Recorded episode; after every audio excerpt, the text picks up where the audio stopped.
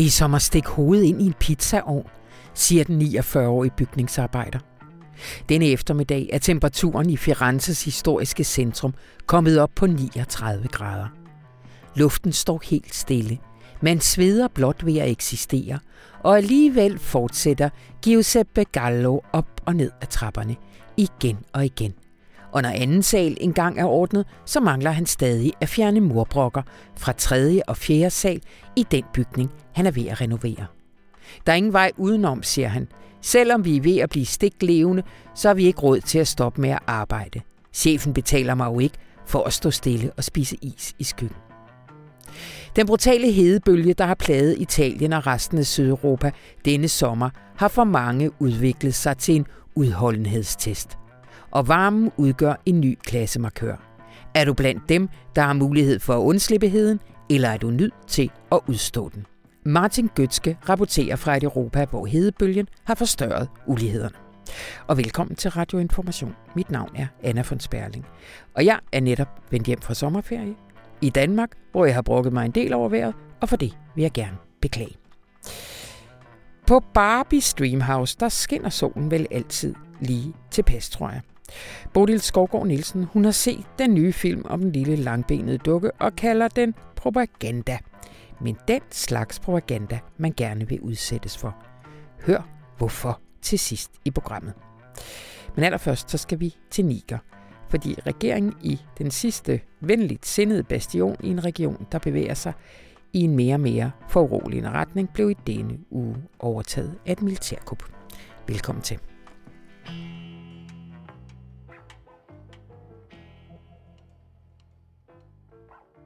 Sent onsdag eftermiddag tonede 10 uniformerede officerer fra Nigers nationalgarde frem på national tv. Vi sætter en stopper for det regime, vi kender, sagde oberstmajor Armando Abdramane. Præsidenten blev fjernet fra magten, forfatningen suspenderet, landets grænser blev lukket, og der blev indført udgangsforbud. Og ikke mindst så sætter det hele Sahel-regionen, der jo i forvejen havde sine udfordringer i en helt ny situation. Velkommen til dig, Christina Nordvang Jensen. Tak. Vores Afrika-medarbejder, der lige skal hjælpe os med at forstå, hvad der sker, øh, og ikke mindst den baggrund og kontekst, det sker i. Øh, det her, det skete onsdag. Vi sidder her og taler sammen fredag formiddag. Hvad er der sket i mellemtiden? Jamen, der er ikke øh, sket øh, så forfærdeligt meget mere andet end præsidenten er stadig afsat. Ja. Øh, de her militærledere har sat sig på magten. EU, USA, Frankrig, de vestlige aktører har fordømt øh, den her magtovertagelse og siger, at de skal vende tilbage til de demokratiske institutioner, øh, som der var i landet. Mm. Og øh, præsidenten har været ude og sige, at ham, der er nu afsat, Mohammed, øh, at, øh, at øh, han... Øh, ja, at han stadig tror på, at, at man, befolkningen vil kæmpe for demokratiet. Okay. Han befinder sig stadig i Niger? Ja. ja. Hvad ved vi, at vi er blevet klogere på, hvad den her gruppe egentlig ønsker? Ikke øh, i detaljer andet end, at de jo i deres tale til nationen talte om, at præsidenten ikke havde gjort nok for landet, sikkerheden øh, er dårlig, der er sociale udfordringer, høj arbejdsløshed, øh, meget fattigdom. Så det er ligesom det, de siger, de vil prøve at ændre på med det her regimeskifte. Ja. Øh, men jo ikke i detaljer om, hvad andre ambitioner de har øh, for landet. Nej. Der er jo flere spekulationer derude. Øh, det er klart, hvis man bare kender en lille smule til regionen, så tænker man sådan uh, umiddelbart to ting. Altså både, at der er jo øh, en islamisk øh, trussel i flere af nabolandene, øh, men også, at øh, Rusland jo også har opereret, der har stærke interesser. At der er ligesom nogle af de spor, som der er grundlag for at, øh, at, at tro også er i spil i Niger. Mm. Og det er jo også den meget naturlige reaktion, når der sker sådan et militær kup, som jo øh, fuldstændig ligner skabelonen af det, vi har set øh, i Mali eksempelvis. Altså militærledere, der kupper sig til magten og bevæger sig i en mere autokratisk øh, retning. Øhm, og vi ved ikke på nuværende tidspunkt, der er ikke sådan et tydeligt tegn på, at Rusland har haft indflydelse, og Wagner-soldater er ikke til stede i Niger, øh, som vi ser i Mali. det er de franske og europæiske styrker, der ligesom stadig sidder øh, på det land. Så på den måde øhm, har Niger ligesom holdt sig indtil nu ude af Ruslands favn, ja. så at sige. Men det er jo det, man frygter, at der kan være nogle bevægelser i gang. Begynder de her militærledere nu at søge mod Wagner-gruppen, som 100% vil prøve at bejle til dem efter det her øh, kup. Øhm, og hvor efterlader det så landet, og hvor efterlader det Vesten. Ja. Vender lige lidt tilbage til Vesten, men den anden del af det, der ligesom handler om øh, hvad skal man sige, de islamiske oprørsgruppers øh, øh, bevægelsesmuligheder i, i regionen, blandt andet Boko Haram. Altså, er de til stede i Niger? Hvad, hvad, hvad, altså, hvad er perspektiverne for, ja. for deres øh, øh, hvad skal man sige, muligheder i det kaos, der, ja. der nu opstår? Det er nemlig, øh, der opstår nemlig mange muligheder for sådan nogle grupper, når der opstår kaos. Og Niger har ligesom nabolandene Mali og Burkina Faso virkelig store problemer med at holde de her islamistiske grupperinger væk øh, fra nye landområder. Øh, der af stigende antal angreb og voldelige hændelser mod øh, civilbefolkningen, også i Niger, og det har jo også været, ja, så, så Nigers øh, styre har ligesom også deres egne sikkerhedsstyrker, der prøver at bekæmpe de her grupper. Og det er jo den frygt, man har, at når du så får et land lige pludselig med politisk ustabilitet, og en regeringsledelse, der, øh, hvor man ikke ved, hvordan de vil håndtere den her trussel, vil gruppen så ligesom formå at brede sig mere i, i Niger og i, i regionen. Ja. Øh, nu, nu snakker vi lidt indforstået om den her øh, region, Sahel-regionen. Kan du ikke lige, hvis der sad nogen derude og tænkte, hvad er nu lige det for en? Kan du ikke lige give os et, et overview? Jo, altså Sahel er jo sådan et bælte af lande, der går fra øst øh, til vest, lige under øh, Sahara-ørkenen. Og når vi øh, taler lige sådan... Øh, Niger og Mali og Burkina Faso, så er det jo i den vestlige del, så vi kunne også sige, at det var altså, de lande i Vestafrika, og ikke hele Sahel, der lige nu er, er udfordret. Ja. Øhm, men det er nogle, nogle lande, der siden 2012 har kæmpet med islamistiske grupperinger, især Mali, som bliver kaldt sådan epicentret for den jihadistiske, jihadistiske trussel. Ja. Øhm, og det er jo der, man også fra fra Frankrigs side og EU's side i 2013 indledt en øh, franskledet mission i Mali for at prøve at bekæmpe de her grupper. Men det er altså et område, som har været virkelig udfordret af både truslen fra islamistiske grupper og så alle mulige andre øh, ting, økonomiske udfordringer, udfordringer med klimaforandringerne. Øhm, ja.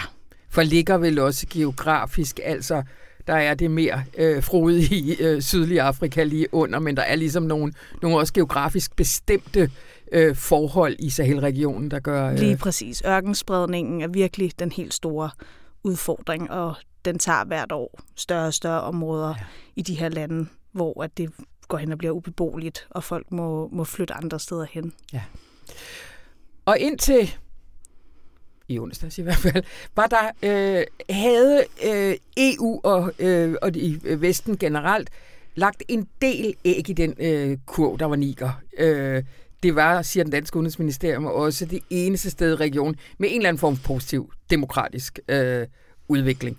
Øh, betød det, at det var et øh, demokrati? Øh, nej, på nej. ingen måde. Nej.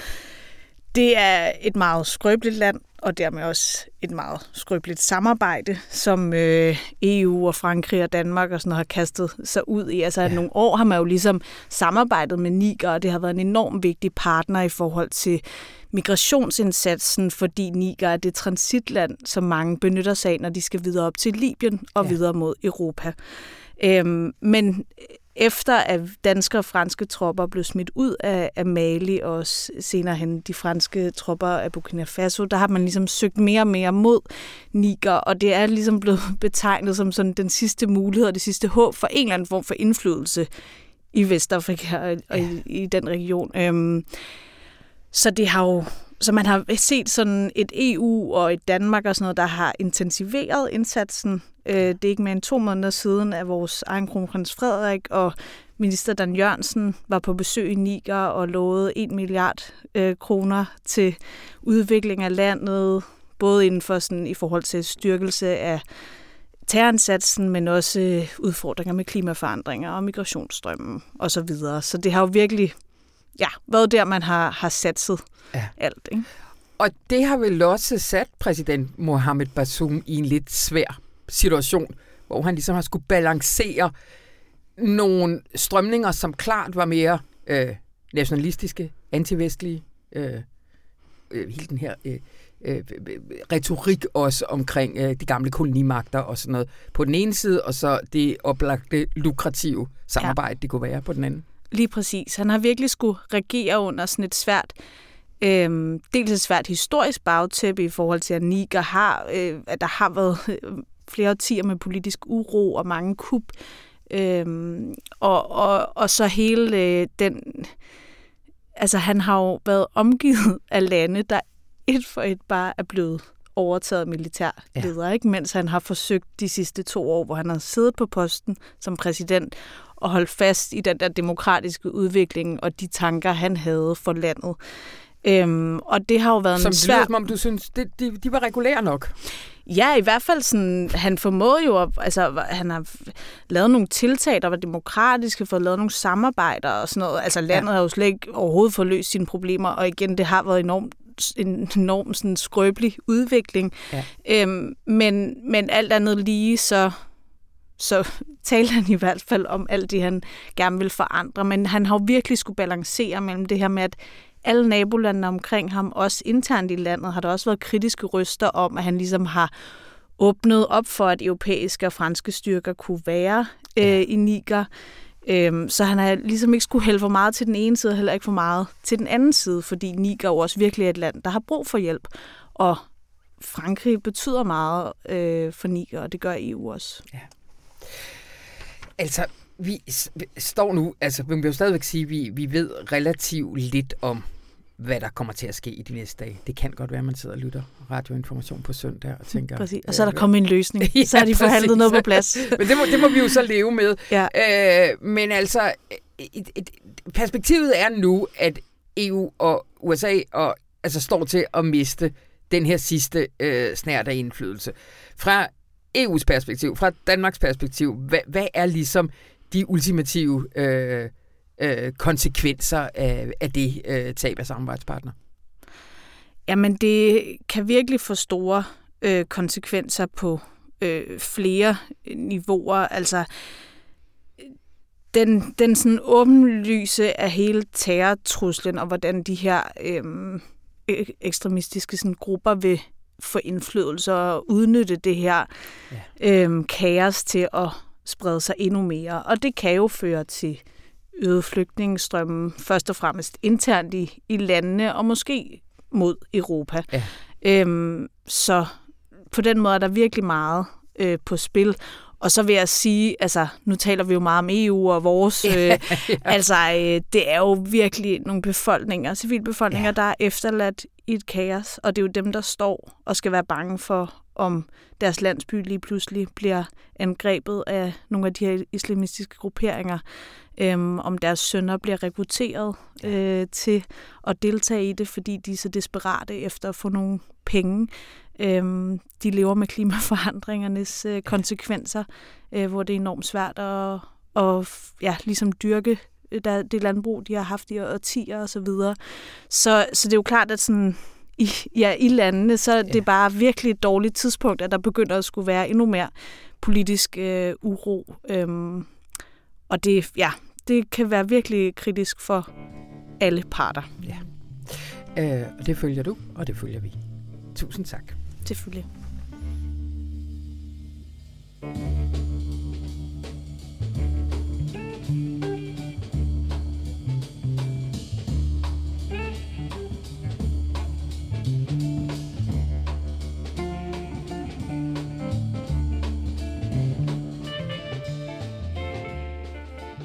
Hej Martin Gøtske. Hej Anna. Uh, skal vi ikke lige starte med det obligatoriske sommeren uh, 2023 uh, spørgsmål? Hvor er du henne, og hvordan er vejret?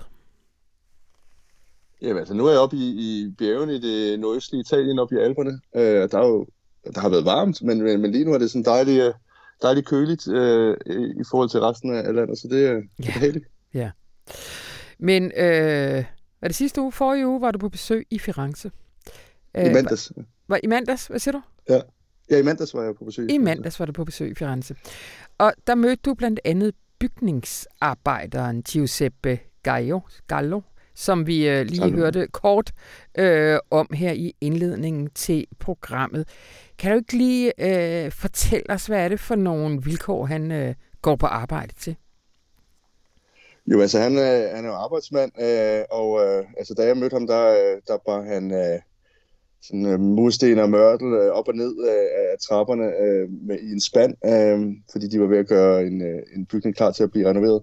Øh, og han, øh, øh, var, altså han skal jo, selvom det, det, det var 39 grader, da jeg var der, øh, så selvom det var øh, voldsomt varmt, øh, altså jeg synes, det var hårdt nok bare at gå rundt i gaderne, men han øh, gik så op og ned af de her trapper igen og igen, øh, og det er jo... Øh, altså sveddrukne øh, ting, han, øh, han, øh, han laver, øh, og, øh, og hårdt arbejde. Ja. Øh, men, men som han sagde, han var nødt til at, at fortsætte med at arbejde, selvom det var så varmt, fordi penge skal han jo tjene.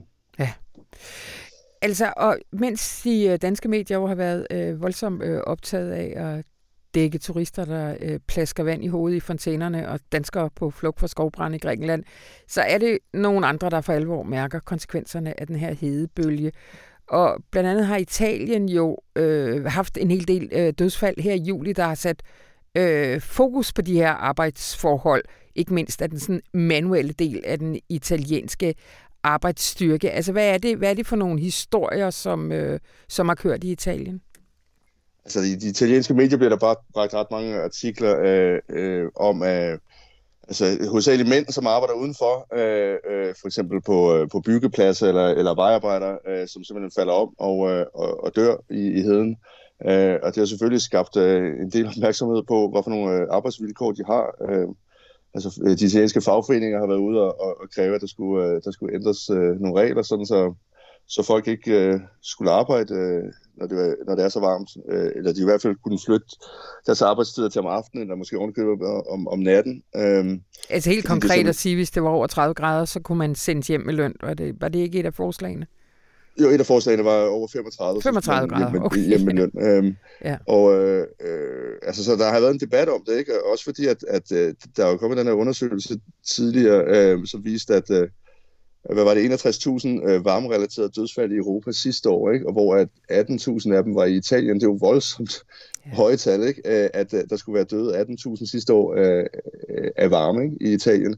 Øh, og, øh, og mange af dem er jo selvfølgelig ældre, øh, øh, folk som allerede har andre sygdomme, men det, der er så også en stor del af dem, som er øh, folk, der har arbejdet øh, i, altså udenfor, hvor de ikke kan undslippe varmen. Ikke? Ja, ja.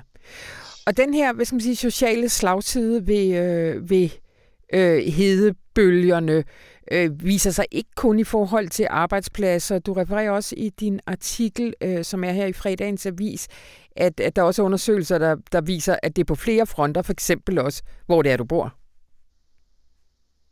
Ja, øh, præcis. Altså problemet for mange er jo, at øh, øh, altså, at, at de her øh, arbejdere, som arbejder udenfor, det er også øh, som regel dem, som øh, øh, får de laveste lønninger i Italien. Øh, og de bor så også nogle af de steder, øh, hvor at, øh, de har for eksempel ikke råd til, til aircon, øh, hvor øh, andre har måske har muligheden for, når de det mindste er hjemme, at de kan, de kan køle lidt af. Ikke? Øh, de bor steder, hvor at, øh, at øh, der ikke er god ventilation, hvor at, øh, at der ikke er særlig mange grønne områder i de, i de boligkvarterer, de bor, simpelthen fordi de bor i de billigste boligkvarterer. Øh, og, og derfor, selv når de har fri fra arbejde, så øh, ja, slipper de. De kan simpelthen ikke slippe for varmen lige meget, hvor, hvornår på dagen det er, ikke? Øh, om ja. de er hjemme på arbejde, øh, hvor som helst. Ja, og der skriver du noget, jeg ikke har tænkt over øh, andet, når jeg tager fra sommerhuset og ind til København igen, at det eksempel at bo i et område med store boligblokke i beton, også holder ekstra på varmen, så hele området faktisk varmes op der, hvor, hvor de lave indkomster bor. Præcis, altså øh, øh, øh, højhuse, beton, asfalt øh, og, og mangel på, øh, på parkområder for eksempel, ikke, øh, gør jo, at der er nogle steder i, i byerne kan være ja, 5-6 grader varmere end andre steder i byerne. Ikke? Ja, ja. Altså, og så har vi endda talt nu om, altså, jeg kender selvfølgelig ikke de, den konkrete kontrakt, som, som Giuseppe er på, men, men der er jo endnu et, et, et arbejdsmarked under det her, som er det prekære arbejdsmarked, som ikke mindst Præcis. migranter er på. Ja, altså det er, det er ikke kun migranter, det er der også mange italienere, der er. Ikke? Ja. Der er mange italienere øh, så, og migranter, som er på, på korttidskontrakter, øh, eller simpelthen bliver betalt øh, fra dag til dag. Ikke? Øh, Og øh, de, kan, de har simpelthen ikke øh, råd til at lade være med at, øh, at tage på arbejde. Ikke? Det er jo ikke sådan, at de kan tage, åh, det er varmt i dag, så tager man en fridag. Ikke? Øhm, det er de simpelthen ikke råd til. Altså mange, mange italienere, altså der, der er udbredt fattigdom i, i Italien, ikke? Øhm, og specielt i, i den sydlige del af Italien, hvor det også er varmest. Øhm, og der øh, har de jo simpelthen ikke øh, råd til at lade være med at arbejde. Øhm, det er ikke sådan, at de, øh, de hvad hedder det, øh, får automatisk øh, arbejdsløshedsunderstøttelse, fordi de, de bliver hjemme. Ikke? Øhm, det er også det, som fagforeningerne lægger op til, at, øh, at når det bliver så varmt, så burde de kunne blive sendt hjem med løn. Ikke? Ja. Men øh, det er der jo ikke rigtig blevet rykket på. Nej. Men, men altså, her til allersidst, altså, er, der, er der noget, der tyder på, at den italienske fagbevægelse vil gå forrest i forhold til at skabe den her jamen, sammenhæng mellem jo i sidste ende menneskeskabte klimaforandringer, hedebølger og social ulighed og udsathed? Altså, jeg synes, øh, det, øh, det, det er rigtigt, at den israelske fagforening uh, uh, råber meget op uh, lige nu om, om arbejdsvilkårene i den her hede. Men, men uh, den italienske fagforening også, uh, altså, uh, det er ikke sådan, at den er særlig god til at, der, der er mange fagforeninger, de er ikke særlig gode til at stå sammen. Vel? Uh, og, øh, og det er ikke sådan, at øh, der er særlig mange politikere, som begynder at tale om det her. Altså, fokus er, er ligesom på noget, på noget andet i Italien. Uh, altså for eksempel var der en tysk minister, som var på ferie i, jeg mener det var Rom, i hvert fald i Syditalien her i, i den forgangne uge, øh, hvor han øh, øh, sagde noget i stil med, at, øh, at det simpelthen er for varmt at være turist i, i Italien, øh, og øh, det er så det, som de italienske politikere de har, øh, har talt om, altså de har været oprørt over det. De her til, hvordan tillader han sig at komme til Italien og, og beskrive øh, situationen øh, som ulidelig for turister, så det er det, de taler om mere end, end, øh, end arbejdsforholdene for, for, øh, for de italienske arbejdere, men også øh, at det er klimaet, som er, klimaforandringerne, som er skyld i det her. Det, det er ligesom nogle andre ting, som, øh, som der bliver diskuteret, måske nogle små ting øh, i forhold til de, de, de store debatter. Ja, men hele det her klimaspørgsmål, som øh, jeg, øh, uden at skulle kalde mig ekspert, øh, har en fornemmelse af, i hvert fald ikke, at fylder en stor del i den siddende regerings øh, øh, hoveder altså, kan de blive ved med oven på sådan en, en hedebølge som den her, at, at holde det spørgsmål øh, væk fra kroppen? Altså, vi vil sige, øh, nu kan jeg ikke huske, hvornår der var i Danmark, men for nogle år siden, der var der øh, forholdsvis varmt i Danmark, hvor det så blev til et klimavalg, ikke? Ja. Øh, øh, og øh, i, i Danmark. Og det var også voldsomt varmt sidste år i Italien. Vi havde så et, valg i Italien i sidste efterår, og der var klima overhovedet ikke på dags, dagsordenen. Øh, så det er ikke noget, der bliver diskuteret voldsomt meget af politikerne. Øh, og der er selvfølgelig nogle, nogle artikler om det i medierne. Der er nogle NGO'er og nogle, nogle forskere, som fokuserer på det her. Øh, men det er ikke det, som tager de store overskrifter i Italien. Du øh, skal have tak, fordi at øh, du tog tid ud og øh, tale med mig her i øh, uge 30, hvor at resten af redaktionen de er ude i det ikke særlig varme danske sommerland. Det er min fornøjelse. Godt. Hej Martin. Hej hej.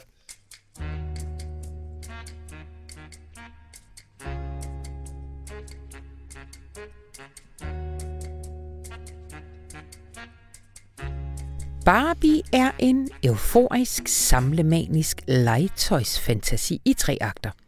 En alt for opbyggelig historie om, at der skal være plads til alle. Et generationsportræt. Et langt product placement stunt lige i kapitalismens ånd, men også bare en væskeægte sjov film. Hej, Bolle Skovgaard. Hej, Anna. Det er dine ord. Øh, og dem kommer vi øh, lidt gradvist tilbage til. Men jeg synes, du skal starte med at øh, fortælle mig og lytterne, hvordan havde du det, da du kom ud efter at have set Barbie? Jamen, øh, altså, du skulle næsten have set mig. Jeg tror, jeg var, øh, jeg var ekset det er det gode ord for det. Jeg var sådan helt uh, uh, uh, uh, rundt på gulvet og, øh, og cyklede fra Empire Bio på Nørrebro øh, ind til avisen ligger i Indre By og var sådan helt, altså hvor man, jeg kunne se mig selv udefra på min cykel med håret blafrende i vinden og var, havde helt sådan store øjne med stjerner i. Øh, jeg tror, jeg var lige dele... Øh, overstimuleret og overrasket, og bare sådan, som, som når man har været i et, øh, lidt hvis man sådan har været tivoli eller sådan noget som barn, og ikke har sådan fået stress af det, ja. men bare har haft det godt. Og lidt for meget sukker. Lidt for meget sukker. Ja. Rigtig meget kendt ja. Og så har du lyst til at købe en masse ting. Ja, helt. Altså, jeg tror, jeg bare kiggede på ruder og så mig selv i de der ruder, mens jeg cyklede og var helt sådan, uh, ej, hvis jeg nu havde en ny kjole, så kunne jeg også se sådan der ud. Og, ej, og så kunne jeg have den her frisyr. Og det var meget øh, materielt inspirerende. Hvilket du også havde det en lille smule dobbelt med, men det kan vi jo lige vende tilbage. Uh, where to start on this movie, ikke? Fordi vi ved godt, hvem den handler om. Ja. Mattels Barbie. Ja. Men kan, du, kan, kan man overhovedet sige, hvad den handler om? Øh, ja, det er jo sådan en The Matrix-historie i virkeligheden, Ja. hvor at, der, der er den, øh, der er, der er simulationen, og så er der noget andet. Okay, det er virkelig langt siden, jeg har set The Matrix, men i hvert fald, øh, så, øh, så Barbie, hun lever i Barbieland, og så på et tidspunkt, så begynder ligesom at komme skov i, øh, skov i idyllen. Hun begynder blandt andet at få appelsinhud, øh, og øh, får tanker om døden, og får det sådan eksistentielt, som det ikke er meningen, du skal have i lykkelige og meget lyserøde og legetøjsagtige Barbieland. Nej, flade så- fødder. Hun får flade fødder, præcis. Ja. Og så får hun sådan et valg om, som er sådan noget red pill, blue pill-agtigt, hvor hun kan vælge mellem øh, den pink stilet med sløjfe på, eller en Birkenstock-sandal. Sådan. Du kan vælge at, kende, at lade den virkelige verden at kende Birkenstock-sandalen, Mm. eller du kan vælge øh, at blive her lade, som om ingenting er sket. Og det viser sig ikke rigtigt at være, hun skal ligesom ud i den virkelige verden. Så skal hun opsøge den øh, kvinde, der har leget med hende, som, som øh, altså, det er jo sådan lidt fjollet, ikke? men som, er, som har de her eksistentielle tanker, og derfor, øh, det, når, når en kvinde i den virkelige verden, eller en pige i den virkelige verden, ikke har det godt, så smider det af på hendes Barbie-dukke i Barbieland. Aha, Og det skal hun så fikse, ish. Okay. Men er hun så lille, og så møder hun en, der er stor? Nej, nej, nej. Altså Barbie er og i Barbieland og i den virkelige verden, der er hun... Der er ikke, der er ikke så meget det der højdeforhold. Nej. Hun gør, nej, det, det skal du tænke over. Altså, når jeg sidder og tænker, det der, det lyder som børnefilm. Ja. Det er det ikke, vel? Altså, den, nej. Nej, altså jeg tror også, jeg var blevet glad, hvis jeg havde set den, da jeg var 6 år gammel eller 14 år gammel. Ja. Øh, fordi den har al glæden ved en børnefilm med overdådige kulisser. Altså virkelig sådan så mange ting, man gerne vil kigge på i hvert et skud. Men samtidig så er den også sådan, altså hver replik er ligesom øh, lavet med voksen jokes. Og det er jo voksne skuespillere, store Hollywood-skuespillere øh, af voksenfilm, der spiller med. Ja. Og den har også sådan et plot om at, om at, som ikke bare er børnefilmsagtigt, om at, om at coming of age og finde sig selv. Den er også noget med, hvad gør man med hverdagens trummerum som voksen menneske i en moderne verden, og hvad med feministiske idealer, der ikke er kommet så meget videre. Altså sådan har den ligesom også voksen temaer og hele tiden voksen jokes. Øh, og der er jo også en anden øh, figur, Ken. Hvad, hvad er hans rolle i... Øh, vi kender ham jo godt, øh, hans rolle ja. i Ja. Barbie-universet. Han, man fik altid en eller anden kendt duk på et eller andet tidspunkt af en eller anden mærkelig onkel, og så lå den inde i kassen, og så en gang mellem bollede de, hvor man sådan Ja. bankede dem hårdt mod hinanden, Og det, indtil man var... det vil jeg faktisk sige, det har jeg tænkt bagefter, det er min store kritik af Barbie-filmen, at der ikke er nogen øh, boldscener, der er ikke nogen børn, som ligesom smækker deres ben ind i hinanden. Nej. Det, har, det tror jeg simpelthen ikke, Mathilde er gået med til. Øh, og det var jeg så oversimuleret efter biografen, at jeg slet ikke tænkte over. Men det har jeg... Nå, Ja. det kan man jo lige se, om man er enig med mig i, det burde Han har jo heller været. ikke øh, nogen tidsmand. Nej, men derfor kan man jo godt Ja, ja, ja, ja, ja det holdt ikke, har aldrig holdt et barn tilbage. Der er aldrig holdt barn tilbage. Nå, Ken spilles i den her film af Ryan Gosling, som man måske kender fra Drive, hvor han var sådan en macho man, eller fra The Notebook, hvor han jo i virkeligheden spillede en, en levende Ken-figur. Ja. Fordi Ken er sådan en øh, romantisk held, og i Barbie-universet er han altid hendes plus one. Han var nemlig, som du siger, kedelig. Og det er også hans store problem i det her Barbie-univers, hvor han er sådan rigtig... Øh, nu kommer jeg til at fornærme nogen, men sådan uh, juicer for Joe the Juice, Mm. øhm, som rigtig gerne vil flexe sine muskler, og øh, høre, om han ikke lige må komme forbi Barbie. Og det er også lidt ulykkeligt, fordi hun hver aften, så skal hun i virkeligheden have pyjamas party med veninderne, og Ken er altså ikke inviteret, selvom han rigtig gerne vil komme. Ja. Øhm, og hans historie, han er faktisk ret meget den drivende kraft i historien, og er lidt sørgelig en film om Barbie, men jeg havde, jeg tror, jeg havde, var bedst underholdt, når Ken var på. Fordi han får snedet sig med som sådan en blanding af en udulig kæreste og en lillebror, så får han snedet sig med på hendes færd til den virkelige verden. Mm. Og så her opdager han det helt vidunderlige, i hvert fald for Ken. Fordi i modsætning til Barbieland, så styrer mændene jo i den virkelige verden. Ja. De har noget smart, der hedder patriarkatet. Mm, godt tænkt. Og øh, ind på, øh, det finder Ken hurtigt ud af, at han går simpelthen ind på sådan en skolebibliotek og låner nogle bøger, der hedder sådan noget How Men Took Over and Destroyed the World. Og så læser han dem sådan, nå, okay, ja, aha. Og øh, så snart beder han om, om han ikke lige øh, kan få et job, fordi han er mand, og han ikke lige må operere en blindtarm, fordi han er mand. Og øh, det går ikke sådan helt vildt godt, men øh, undervejs var han i hvert fald tænkt, jeg skal tilbage til Babylon og lave mig et lille patriarkalsk fascistisk diktatur. Ja, godt. Æ, og der tror jeg ikke, vi skal spoile, om, Nej. det, øh, om det lykkes Men for ham. det, nej, men det er i hvert fald vidunderligt. Den ligesom ark af hans øh, forsmåelse. Det er jo selvfølgelig også en, en paudi på, og det her voksen elementet går ind i, man kan sige, han bliver fremstillet jo lidt sådan lidt meget optaget af sit ydre og af status og af, ja igen af sine muskler og af, hvordan kvinderne ser ham. Man kan jo godt øh, sige, at han bliver fremstillet lidt dum og enfoldig, som kvinder måske i mange år af Hollywood ja. Er blevet fremstillet. Ja. Og i al den der karakter, og al hans, øh, der er også nogle scener, hvor kenddukkerne, de mansplaner rigtig meget. Altså, der er alle mulige satire over øh, mænds skrøbelighed og Ja. øh, Ja. trang til at bulre og brage, når de ikke får al den opmærksomhed, de vil have. Men, men er filmen så øh, et feministisk statement? Ja, ja, ja, altså...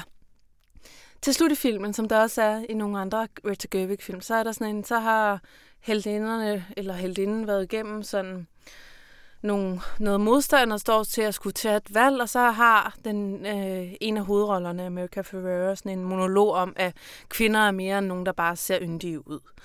Og, øh, og det er sådan meget fint og godt, og sådan, øh, men det er også sådan, øh, sådan lidt fra øverste skuffe Ja. af feminisme. Sådan, når nu skal vi lige er, erkende, at vi ikke bare er smukke, at vi kan meget, og at vi er stærke. Og det er sådan slagord, ja, yeah, kom så alle damerne, girl power, vi er så gode sammen. Ja, den sorte Barbie kan også være præsident, you can do it. Ja, Øh, ja, ja. sådan lidt... Øh, øh, øh, og nu så skal man heller ikke måske forvente mere af filmen. Øh, men den der eksistentielle livskrigstrummerum og appelsinhuden og den konsekvenser får måske ikke sådan vildt meget lov til at Nej. sådan have dybde. Nej, nej. Øh, nu nævnte du hende lige. Den er instrueret af Greta Gerwig. Sig lige noget mere om hende. Jamen, hun er sådan en... Øhm, øh, først var hun egentlig skuespillerinde, som var, eller skuespiller, som spillede med sådan noget, jeg tror, for nogle år siden kaldte man det mumblecore, sådan nogle indie-film, hvor folk mumlede. øhm, som, øh, altså, sådan meget hip, øh, sådan om, om mennesker, der, altså sådan unge mennesker i storbyerne, der sådan lidt ikke kunne finde ud af eksistensen og var lidt outsider. Ja. Siden har hun fået så sådan nogle, øh, øh, et større gennembrud med, med to film.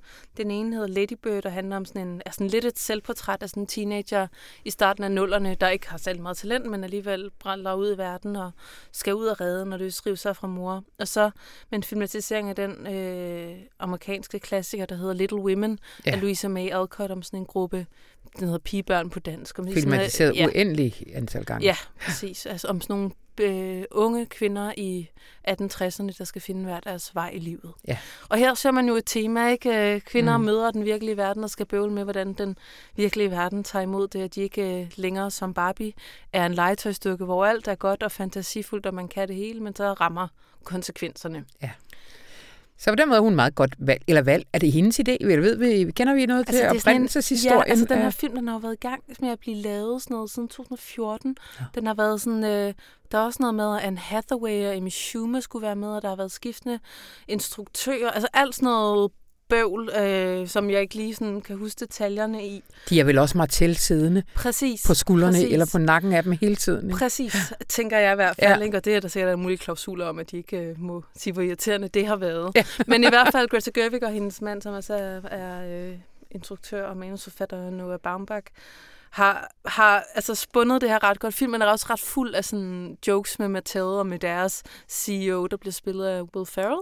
Og altså, ligesom er sådan øh, meta-kærlekritisk, laver sjov med dem også og sådan noget, men, øh, men alt det er lige meget var meget sjov, og det var også lidt pinligt for Mattel, at de blev nødt til at trække en kendduk med en magisk ørering og lidt uh, cut-off shorts, der vist så sådan lidt for homoseksuelle ud til, hvad det amerikanske publikum kunne trække. Og haha, det var lidt pinligt for dem, for, Mm. for filmen også til at sige, men hvor er Barbie dog grundlæggende bare en inspirerende figur. Ja, ja. Så, altså, det er sådan grundbudskabet, så, ja. så det, er jo, det er jo smart i 2023 at øh, og kunne gøre grin med sig selv. Ja. Jeg har kun set uh, traileren, og jeg synes noget af det, som jeg allerede uh, fik lidt hjerte for, det er, at der er en Barbie, der er blevet klippet af et barn. Ja. Hun er som... også den mest vidunderlige af dem. Og hun er, ja, det er Weird Barbie. Det er faktisk hende, der sådan siger, vil du vælge mellem skoene okay. eller nej? Og hun har netop sådan en, øh, den der klippet frisyr, og sådan tusstreg i stedet for øjenbryn. Øh, og hun, kan, hun er hele tiden, går hun i split, fordi hun er blevet rykket så, så meget, med, ja. at hun ikke kan stå på andre måder, når hun er i split. Og det må jo være, altså det, det, det var i virkeligheden filmens... Øh, helt store øh, succes. Ja. Der er direkte adgang til rigtig mange af os barndomsminder. Ja, ja, det er jo næsten den første præcis. oplevelse af livets af, af, af konsekvenser af ens handlinger. Det var, da man ja. klippede sin første Barbie og opdagede, at håret ikke voksede ud igen. Og sådan, altså, det, det er sådan nogle grundlæggende øh, ja. følelsesmæssige ja, oplevelser. Ja, og er, hvor er tingene henne, og man har smidt alt det der sirlige Barbie-tøj væk, og ja. passer tingene ikke lige pludselig sammen længere, så har man fået en eller anden off-brand dukke, der ikke kan passe det samme tøj. Altså ja. helt sikkert. Ja. Øh, og det er også det, der er meget charmerende med universet, at, at alle kulisserne er ligesom lidt for små til Barbierne inde i Barbie-universet. Det har den der sådan legetøjsagtige look, og, og man... Og, altså, der er virkelig mange sådan fjollede detaljer. Hun har sådan en kæmpe hårbørste også til, til sit hoved, som er sådan, ja. som lavet til, at man lige kunne holde på det med ja. sine fingre og alt sådan noget. Og ja. det er nemlig er puttet i sådan noget hendes dyne, det havde jeg lyst til at skrive om. Det er en, vil være den mest elendige dyne det, fordi det er en paljettæppe. Nå ja. hvor man tænker, det må klø. det må klø. Men i Barbieland ville det være så vidunderligt, ikke? Ja. Altså, nu fik jeg lige min researcher, Christian Longgaard, til at finde ud af, hvor meget det, den har indtjent. Ja. Øh, det er jo fuldstændig vanvittigt. Den, ja. den er lige op og flytte med at være den mest indtjenende film, produceret af en kvinde selvfølgelig, ja. mm-hmm. øh, nogensinde. Men altså, den er, er noget med 300 millioner dollar allerede her efter, ja. efter fire dage, så sådan, måske sandsynligvis kunne komme op og ramme en milliard ja. dollar og, der, og det er helt klart den første kvinde, der ja. øh, kan hive den slags penge til sit øh, produktionsselskab. Mm. Øh, hvad fanden er?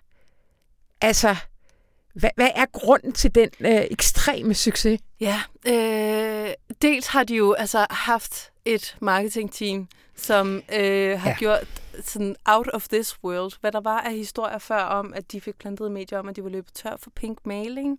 Ja. Øh, om at øh, der var sådan en... Casting af Ryan Gosling Casting har vi talt om ja. i halvandet år, eller et eller Præcis. andet. Og sådan, hvad der er sluppet ud af stillbilleder fra det der mærkværdige sæt, og der var sådan en historie om, at sådan noget med, der et øjeblik, så ser man sådan en et kort med sådan en grænse, hvor der er en eller anden kontroversiel kinesisk grænse. Nistræksgrænsen i det sydkinesiske har jo et eller andet. Altså, mm. I ved, sådan alt, hvad der kan være af historier, er blevet malket om den. Udover at den så også har et stjernespækket cast og alt det der, så øh, tror jeg også, at den rammer sådan et, øh, et publikum, der er mm, 30-40 år gammelt, og som har leget med de der Barbie-dukker, før det blev sådan for alvor problematic, og før, øh, før, før det sådan kom noget fjerbølge feminisme, i mm. hvert fald måske engang i, i 80'erne og 90'erne, mm. da alt den slags var lidt glemt. Da man, da der, som føler, som nu måske har alle de der korrekte øh, i godsøjne woke, det så end betyder værdier, ikke? men ja. som længes efter den der barndoms lykke og tingene, jeg har fri fantasi, og tingene kan godt blive gode i den her verden. Ja. Det tror jeg, at det publikum, den helt ekstrem høj grad øh, appellerer til. Ja. Og så måske også selvfølgelig et øh, kvindeligt biografpublikum, kunne man spekulere i, det har jeg ikke lige tal på, men, øh, men som ikke ser den slags... Øh, altså, du ved, der er masser af actionbrag og sådan noget, som ja. jeg også synes er er vidunderlige at se, men de er måske lidt mere kodet Super, til et filmen er jo nok dem, der ja. tjener allermest, alle ja. de der franchise, uh, Marvel og ja. all that. Som også er legetøjsbrands, ikke? Ja, helt klart. og tegneseriebrands. Ja. Og det her er måske, altså sådan klassisk set, den, den øh, kvindelige pendant til Gud, det. hvor er alt egentlig pattet. Ja, helt vildt. Jeg synes også, det er vildt, at det er, de der, det er sådan noget Disney og Marvel ja. og nu Mattel. Ja. Greta Gerwig skal jo instruere sådan noget Narnia og alle mulige andre legetøjsbrands. Narnia er jo ikke legetøjsbrand, men nogle andre ting for ja. Mattel, så de kan sælge legetøj på det også. Hvor jeg sådan, er det, er det legetøjsproducenterne, der også nu... Altså, jeg plagede der om ting i Toys R Us i da jeg var lille. Skal, det skal jeg nu også så blive fodret med som voksen. Ja, ja. Det, øh, helt. Ja. Så du kalder også filmen, du kalder den propaganda, men propaganda, man godt gider deltage i. Ja, ja. Altså, ikke måske hver dag, men jeg var ekstremt skeptisk. Jeg tænkte, åh, jeg kommer til at skrive sådan en uh, informationsanmeldelse om, at den vil bare sælge mig noget. Og ja, ja, den vil sælge mig så mange ting, den her film. Ja. Og altså, Sara har lavet en tøjkollektion med Barbie-ting, og det er allerede totalt udsolgt. Altså, du ved, sådan ja. den ondeste fast fashion kæde, der, der nærmest findes. Ja. Øh, men den er også bare sådan... Jeg tænkte, åh, den kommer til at blive alt for amerikansk. Jeg kommer ikke til at kunne holde det ud. Øh, jeg var fuldstændig solgt. Ja. Den var så vidunderlig at kigge på. Mest bare for sådan, altså, så at blive kildet på sine øjne. Ja. Og sådan helt, uff. Nå, men øh, ej, skal vi ikke lige høre et lille øh, klip fra traileren? Så kan man ligesom jo. fornemme lidt mere. Øh, og så øh, når vi ikke mere. Tusind tak, Bodil Skovgaard Nielsen. Selv tak, Anna. You can find me under the lights, diamonds under my the best day ever. It is the best day ever. So is yesterday, and so is tomorrow, and every day from now until forever. Do you guys ever think about dying? Og det var, hvad vi havde fra denne uges program, som jo stadigvæk, har I nok bemærket, er en lille smule i sommermodus. Blandt andet så har vi jo givet ham chefredaktør og optursleverandør Rune Lykkeberg lidt sommerferie. Øh, og det har han også i næste uge. Men jeg er tilbage i øh, næste uge, og det er jeg blandt andet sammen med Erik Skørum Nielsen til endnu et hug i vores 12 kvinder, der fortjener en plads i vores litteraturkanon. Øh, og jeg kan love jer, at det er en kvinde, som er vild, og som jeg aldrig har hørt om. Så øh, lyt med i næste uge. Mit navn er Anna von Sperling, og det her program, det var klippet af Rune Gertsen.